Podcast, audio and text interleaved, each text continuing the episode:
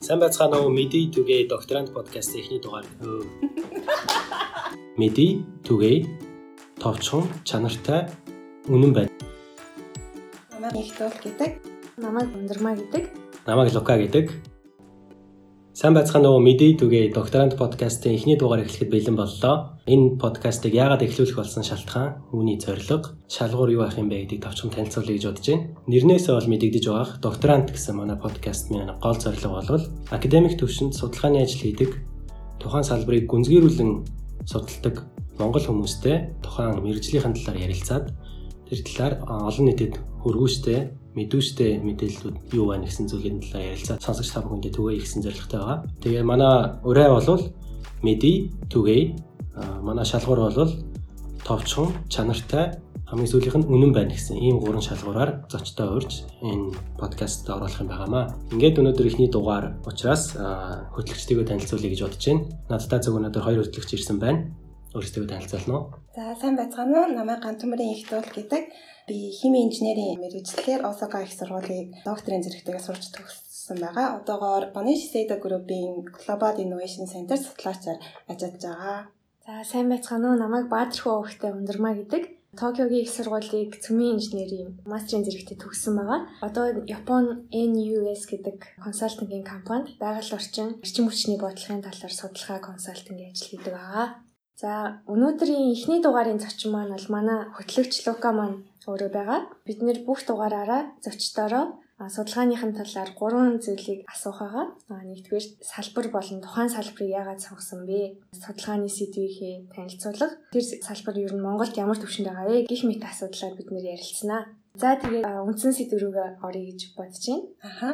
За эхлээд логогоос өөрийгөө жоохон дэлгэрэнгүй танилцуулна гэж хэлсэнмээр байна. Аа тэгээд яагаад энэ салбарыг сонгох болсон талаараа бас болцсон уу гэж үсэе. За баярлалаа. Миний нэрийг Ган зөргийн Лувсан Жамз гэдэг. Сая хэлсэн найзууд наваа Лука гэж дууддаг. Одоогоор Токиогийн их сургуульд хот төлөлтийн докторантын 2 дугаар курст судалгаа хийж байгаа. Энэ салбарыг сонгох болсон шалтгаан бол бакалавра төгссөнөөс хойш хийж исэн ажилтай маань холбоотой.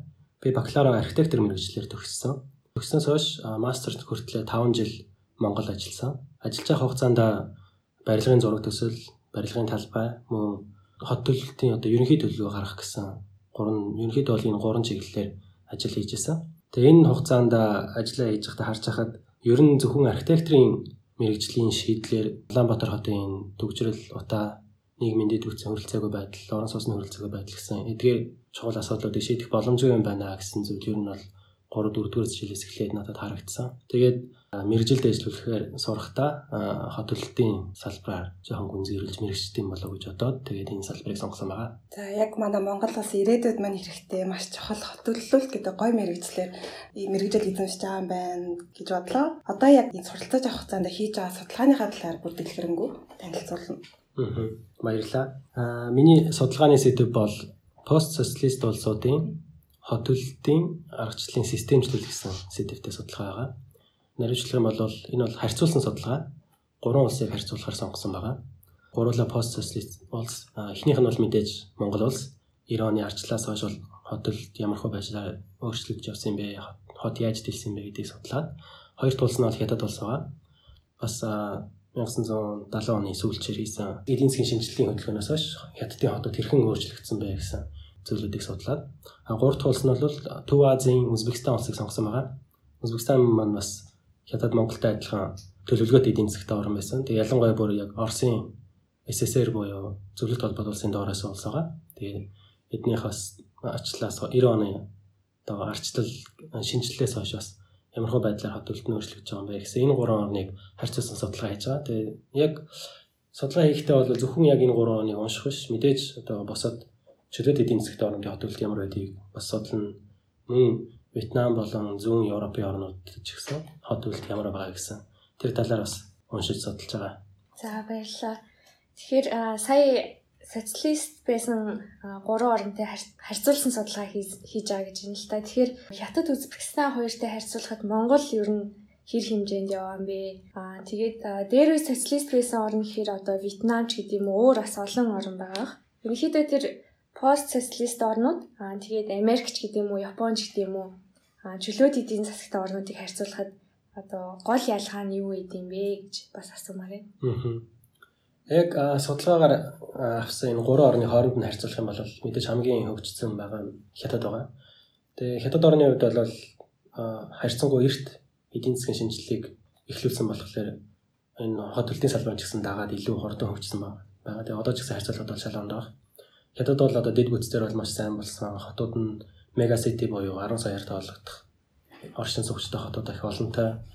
Тэгээс хотынх нь гоё одоо иргэдтэй ээлтэй байгаа байдал ч юм тийм. Тим юм бол бас Хятадын Шанхай, Хонконг гэсэн хотууд бол ер нь бол бас дэлхийд бол хоцрогдохооргүй тийм дэвсэн дэвшилтэй хотууд болсон байгаа. Монгол орны хувьд бол яг 90 оноос хойш одоо бол яг 30 жил бидний шинжилгээ хөдөлгөөний хийгээ явж байгаа боловч одоо хуучин системийнхаа арга барилаас бүрэн салж чадахгүй байгаа талууд бас байгаад байгаа. Жишээ нь одоо хитрхи одоо дээрээс доош чиглэсэн хот төлөлтөд хийдэг.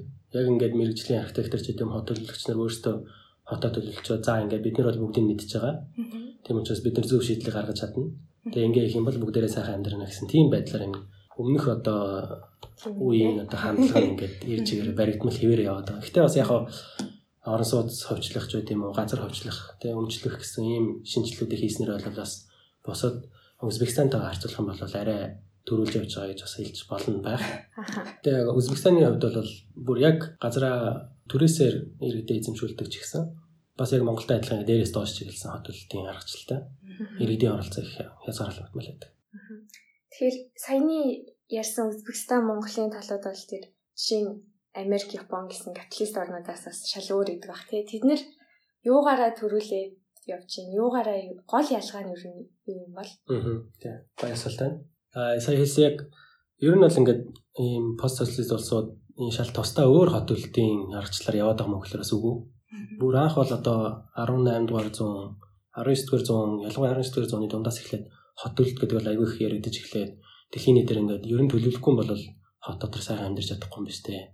Агарын бохирдол ингээд бохир ус ингээ хайлаад орсон авчтай иргэдэн ингээд холын орноос орчдог ч гэдэм үэсвэл Лондонгийн их түүмэрч гэдэг юм те. Маш олон ийм гамшигч гэдэг юм уу хүнээс үүдэлтэй гамшиг байгалийн үүдэлтэй гамшиг олон зүйл гарсан болохоор ингээд хот төлөлтийг хөгжүүлэх хэрэгтэй байна гэдэг. Тэгээ анх гарсан бол яг сая дөрөв хэлжсэн юм дээрээс доош чиглэсэн хот төлөлтөөсөн. Мэдээж Америк, Япон ч гэсэн эндээс эхэлсэн Герман, Англи. Эндээ бол ижлэн л байсан юм тий. Тийм бүгд адилхан байсан тий. Тэгээ нугац ялгаа нь болохоор төлөвлөгөөт эдийн засаг үү, чөлөөт эдийн засаг үү ялгаатай.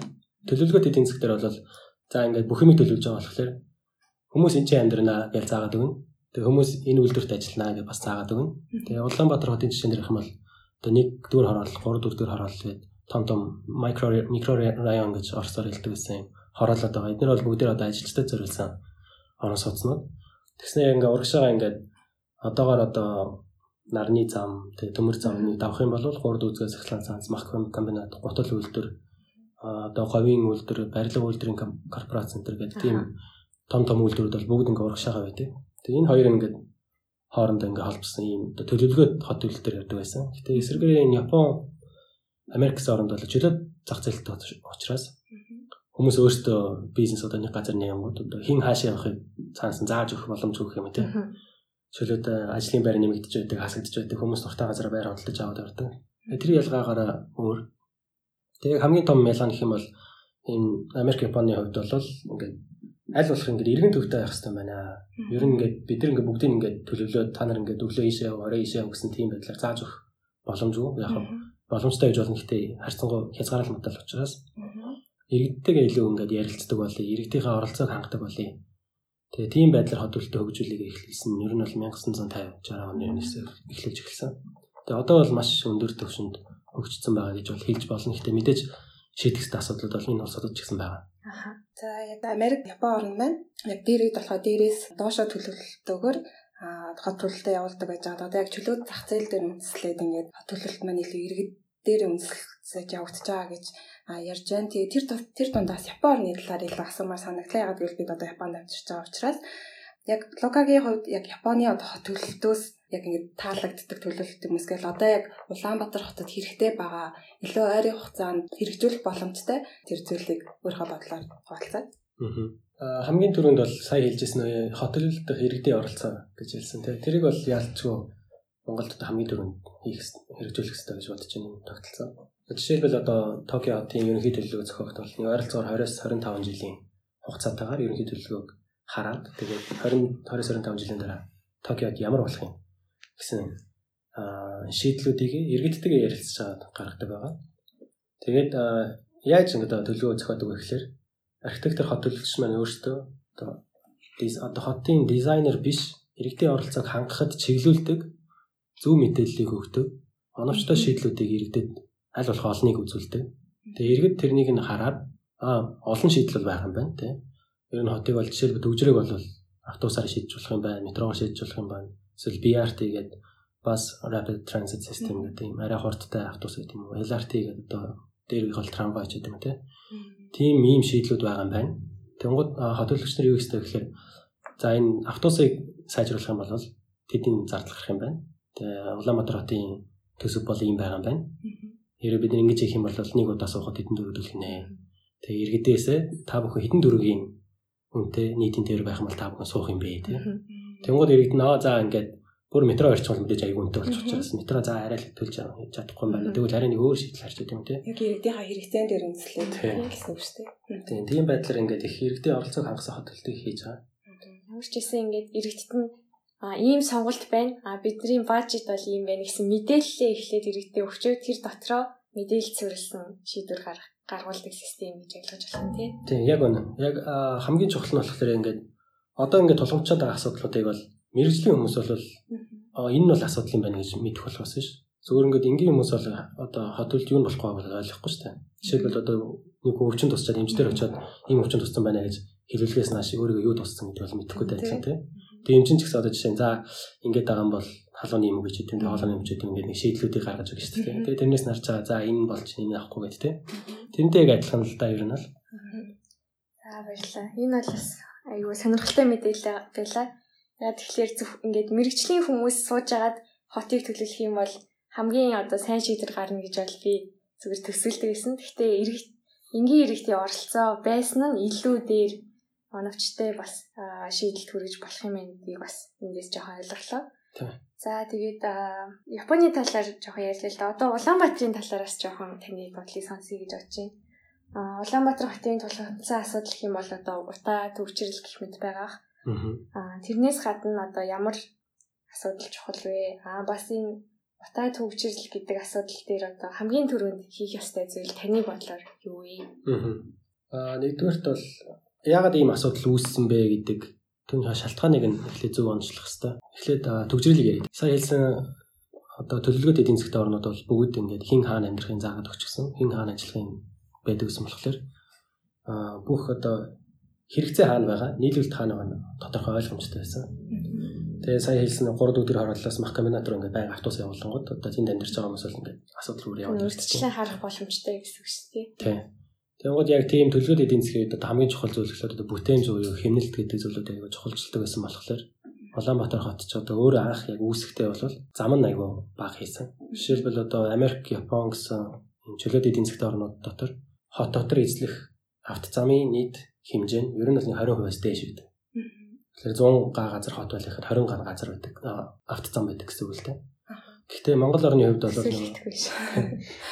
аа Улаанбаатарын хувьд бол яг бүх хин хаашаа явах тодорхой учраас их зам бариад байх юм бол илүү зардалтай болчих учраас айгүй зам баг зам барьсан. Тэгээ одоо бол яг Улаанбаатар хотын түвшинд бол яг нийт автозамын хэмжээ бол нийт талбай одоо 10 хүрэхгүй хувьтай байдаг. Тэгэхээр энэ нь бол зам бол бага байгаа юм байна. Тэгээ угаасаа тэгж төлөвлөсөн хот юм байна гэдгийг эхлээд ойлгох хэрэгтэй тийм. Тэгээд тэрэн дээр үндэслээ за одоо яах бэ гэх юм бол жишээлбэл одоо замаа ингээл өргөтгөл томсгоол зогсоолоо барайл ингээл эсвэл давхар зам ч гэдэг юм тийм. Хурдны замтай энэ болоод асуудал шийдэгдэх юм гэвэл яг гоо тодорхой хугацаанд бол шийдэгдэх боломжтой. Гэтэ энэ нь бол алсын алстай бол ямар ч үр ашиггүй гэдгийг бол зам барих зай нь ер нь хэцүү юм шиг тий. Тий. Ер нь бол газар ч гэсэн хязгаарлалттай байгаа л да. Тий. Гэтэ бас нөгөө Америк, Японы орн Герман гэсэн орнууд бол Европ орнд ихэнх нь одоо ингээд даан зам барьсаар байгаад ингээд ер нь бол хот төлөлт ингээд буруу явцсан байна гэдэг одоо хөлийн зөвшөөрөөд илүү нийтийн дээртэй анхаарах хэрэгтэй байна. Ногоон байгууламжийг илүү их төлхөө оруулах хэрэгтэй байна. Явган дээлтэй байх хэрэгтэй байна. Дугуйгаар яаж зорчих боломжтой зэрэг одоо иргэдийнхээ одоо илүү эрүүл аж төрөх боломжтой. Тим дэд үгцтэйгээ илүү барьсан илүү одоо хотын өрсөлдөх чадварыг сайжруулдаг тийм. Жишээлбэл одоо жил болго ингээд өөрөлд CDS гээд хамгийн тав тухтай хойд хаана байдаг шалгуулахад тэрэн дотор үзүүлдэг гол одоо шаардлагууд нь бол эднэртэй. Одоо ногоон байгууламж, эрүүл мэндэд хэрэг хүртээмжтэй, нийгмийн дэд бүтц ямар нэгс тэ. Тэгээ энэ зүйлүүдэд хангасан байхын тулд одоо авцаан барих бол ямар ч хэрэггүй байна. Тэгээ авцаан чинь барихад бас айгүй өртөг өндөртэй. Тэгсний оронд явган зам барих юм бол баг 10 дахин хямдханаар барих боломжтой ч тийм үү те. Дугуун зам барих юм бол 5 дахин хямдхан барих боломжтой. Тэгэхээр Улаанбаатарын хувьд ч гэсэн ер нь бол төсөв бол тийх тийм хангалттай биш учраас илүү ухаалаг хэмнэлттэй, үр дүнтэй. Тэгээ хамгийн чухал нь иргэдэн нөгөө тайван тогтох тогтохтой аж төрөх боломжтой тийм шийдлүүдийг харуул зүгээр гэж бодож байна. Хоёрдугаар сая утааны асуудлыг ярьсан. Утаа бол бас айгүй хэцүү асуудалтай. Улаанбаатар өөрөө дэлхийд дээрх одоо хамгийн хүйтэн нийслэл гэдэг. Тэгээ яаль ч хүйтэн болох нь ойлгомжтой. Тэгээ утаагаа шийдэх юм бол бүгдийн пааранд холбох хэрэгтэй. Эсвэл бүгдийн цахилгаанд холбоод цахилгаан халаад шалны халаалч гэдэг юм тий. Тийм халаалт тавих хэрэгтэй. Гэтэ тэрнийг хийх гэхлээр дэд бүтцэд нь бас айгүй их мөнгө орох гэдэг. Тэгээд яг Улаанбаатар хотын хувьд яг мөнгөгүй байна уу гэхээр бол би бас яг тийм гэж бол бодохгүй байна. Тийм үү. Жишээлбэл одоо хятад бол бас яг адилхан төвшинс ихсэлтэй Бээжин тэр гэдэг айгүй утаатай байсан. Одоо сүүл би 2008 оны Бээжингийн олимпиар бол Бээжингийн утаа утаа гэж бүгд ярьдаг байсан шүү дээ. Одоо бол тийм байха болцсон тий. Одоо Бээжингийн утаа бараг бүгдээр мартсан юм яасан. Одоо коронавигоос болоод илүү одоо цэвэр агаартай болчихлоо. Хамгийн цэвэр агаартай хот Бээжин болчихлоо гэж яриад байгаа шүү дээ. Энийг яаж шийдсэн бэ гэхээр нээлттэй газрын одоо дуудлага хөдөлтооны систем. Хятадд газраа өмчлөлдөггүй ч гэсэн түрээслүүлэхтэй 60 жилийн хугацаагаар түрээслүүлдэг. Тэр улсаас иргэдтэй түрээслүүлж байгаа гэсэн үг шүү. Тийм. Иргэд болон компани болон аж ахуйн нийт гадаадын хөрөнгө оруулагч гэдэг тийм бүгдэнд нь адилхан. Гэтэ бүгд дуудлага хөдөлтөөр явна. Тэр дуудлага хөдөлтооны орлого нь бүгд хотын төсөвтөд ордог. Улстай орохгүй хотын төсөвтөд орно гэсэн. Тэгээ бас өөр нэг шийдэл нь болохоор нэгдсэн өртгийн албан татвар гэдэг нуат гэдэг Монголд байдаг тийм. Тэр бол хятад хятадын үед нуатын нийт орлогын 25% нь тухайн орон нутагт үлддэг. 75% нь улс руу төв одоо сангийн сангийн ямар байвдаг болохоор хотод ийм хоёр ийм орлогын арга зам байдаг. Нэг нь бол ингээд газраа дуудлага бодлогоор 60 жилээр төрөслүүлэх. Нөгөөх нь нуатын татврынхаа 25%-ыг өөрсдөө авдаг тийм. Тэгэхээр энэ нь бол нөгөө хот төлөвлөгч нарт илүү боломж олгож байгаа юм л да. Зүгээр ингээ хоосон газрыг дуудлагуулаа зарах юм бол дэд үз байхгүй чинь авахгүй шүү дээ. Тэгвэл ингээд дэд бүц татаад за энэ ч бол ингээд өндөр хурдны нийт орно. Тэгээ автобусны зогсоол байна, метроны зогсоол байна. Эсвэл энэ хавьд нь ингээд ногоон байгууламжтай айгүй том цэцэрлэг төрөлн байна гэдэг явах юм бол орон сууц барьдаг компани тэнд авчихтаа бол өө энэ бол илүү гоё байршилтай байна гэдэг. Олон компаниуд энэ дуудлага бодлоор явахлаар газрын үнэлгээ, зах зээлийн үнэлгээ их өндөр болоод тэгээ тэр орлого нь орсноор эргээд нөгөө барьсан дэд бүтцийнхаа зардлыг нөхөж чаддаг. Тэр тодорхой хэмжээнд эхлээд жоохон хөрөнгө оруулалт хаяад тэгснээрээ илүү түрээслэх үнцэнтэй болох чинь гэсэн үг шүү дээ. Тийм. Тэр нь бас нөгөө эсрэгээр бас байж болно. Бид нар бол ингээд төлөвлөгөөгөөр энэ ясыг ийм болгоно. Тэгээд дэд бүтцэн тэр нь ийм болчихно. Тэгэхээр бид нар ерөнхийдөө бол ийм үнээр доод үнийн ийм үнээр зармаар байна. Тэгээд та нар авах юм бол 3 жилийн дотор дэд бүтцэнд холбож өгнө гэсэн тийм. Тийм шийдлэж байна. Дараалал нас өөр ижлэх юм тийм. Тийм. Тэгэхээр нөгөө гэр оролцож чинь яг утаа гэж нөгөө гэр оруулалтын яндангуудаас гараад байгаа учраас Тэрнийг шийдэх юм бол дэд бүтцээ хийх хэрэгтэй. Тэгээ дэд бүтцээ хийх зардлаа хаанаас олох юм бэ гэхээр нээлттэй газрын дуудлага бодлооны систем тийм. Аль гол нь нээлттэй байх хэрэгтэй. Тэгээ далд орох юм бол дандаа ингээд мөнгө нь алгуулцдаг. Тэгээ хөрөлцөөг бол утааны асуудал шийдэгдэхгүй байгаа. Тэгвэл ер нь бол гол шалтгаан дээр л дээ. За баярлалаа. Энэ бас үнэхээр сонирхолтой хариулт байлаа. Утааны асуудал гэхээр ингээл түлш ч юм уу дулаалгын татлал ер нь ярих байх гэж бодчихсон. Тэгэхээр бас хот төлөвлөлт юм газрын газар ашиглалтын бодлого нь цаагаар авсан нутааны асуудалтай бас холбоотой гэдэг юм дий болгож авлаа. Тийм байна. Тэгээ цаагаараа бас яг бидний өдөр алганууд нь үзэж байгаа нутаа төжрөл гэдэг асуудал маань ганцхан одоо өдрийн хэрэгжилж байгаа төлсөндөө биш гол нь цаад яг хотынхоо дид бүтц менежментийн асуудал тийм бас их аялалтай холбоотой юм байна гэж ойлголоо. Тэгээ хотол талаас харсан шийдэл нь бол энэ. Мэдээж одоо дулаалга байт юм төлс гэдэг бол архитектор талаас нь харах юм бол яг тэр шийдлүүдээс орж ирнэ. Нэгд ингээд нөгөө байшингаа барихтаа бас дулаалгагүй байшин бариад байгаа бол улам их эрчим хүч алдаад ах юм чаа. Тэгэхээр өнөөдөр бол яг хотелч талаас илүү хариулт өгье гэж бас бодлоо ингэж ярьж тээ. Лукагийн бичсэн блог энтрийг унших юм бол одоо дулаалга эрчим хүч хэмнэлтийн талаар л өшөө бичсэн байгаа ах тий. Тийм тий бас хагас мань дэлгэрүүлж уншвал. Өнөөдрийн одоо Лукамен Иранаас бол ерөөдөө гих хот төлөлт маань нэг ерөөд аягүй иргэд рүүгээ чиглэсэн тий иргэд дээрээ төвлөрөх хэвээр байна гэж миний хувьд ойлголоо. Бас нээлттэй байх хэрэгтэй. Тийм нээлттэй байх хэрэгтэй. За тэгээд энэ гол би одоо яг иргэн хүний хувьд бодох юм бол би яаж яг оролцохоо ерөөсөө сайн ойлгох байгаа байхгүй би ингээд зүгээр дэлгэцний ардаас л ингээд авах уу. Тэгээд авах уу эсвэл ингээд яг яаж оролцохоо сайн мэдэхгүй байгаа бас босод хүмүүс маань ч гэсэн адилхан байгаа гэж бодож байна. Тийм болохоор яг яаж иргэн тий хувь хүний хувьд иргэн миний би яаж хот төлөлтөндөө оролцоогоо нэмэгдүүлэх чадах вэ? Тэрний талаар юу гэж бодож байна? Хамгийн чухал нь бол одоо нэгдүгээрт хорооны хуралдаа заавал суух хэрэгтэй. Хорооны хуралдаа суухгүй байх юм бол ер нь бол Улаанбаатар хотын ямар ч асуудлыг шийдэх боломжгүй. Хоо тийм хурал гэдэг. Миний өнөр л суудаг төсөөлтэй байдаг шүү дээ. Яг суух ёстой л байх л таа өгнө тий.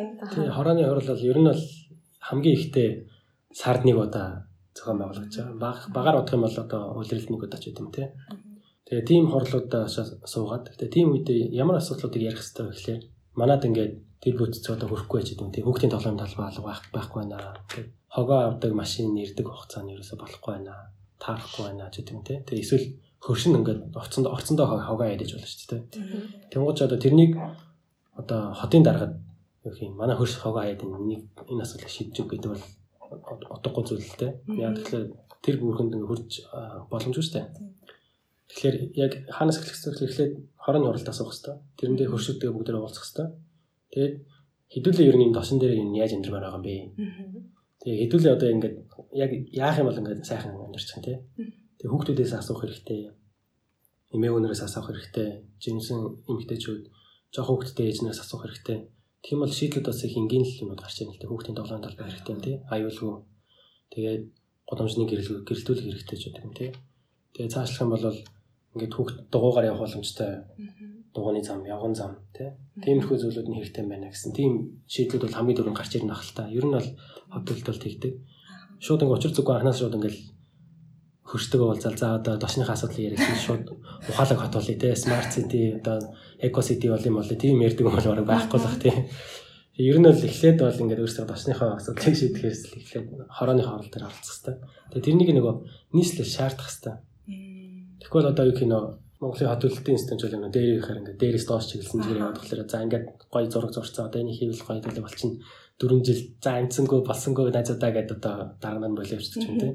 Тэгээд болохоор ингээд ерөөс ингээд айгүй их өндөр зардалтай том төслийг хийх гээд хамаг цагаа зараад тэгээ нөөх нь шийдэгдсэн юм байдаггүй. Тэгэл ингээд Улаанбаатар хогийн хот ингээд шорондоо шуурал ээждэг утаандаа ингээд байждаг өнхийн өнөртэй ээждэг тийм болчиход байгаа л та. Тэгэхээр аль болох ингээд хорон хорон дээр асуудлуудаа ингээд гоё ярилцаад тэрнийгээ дүүрэгтэй, нийслэлтэй, ялангуяа хатын дарагт те.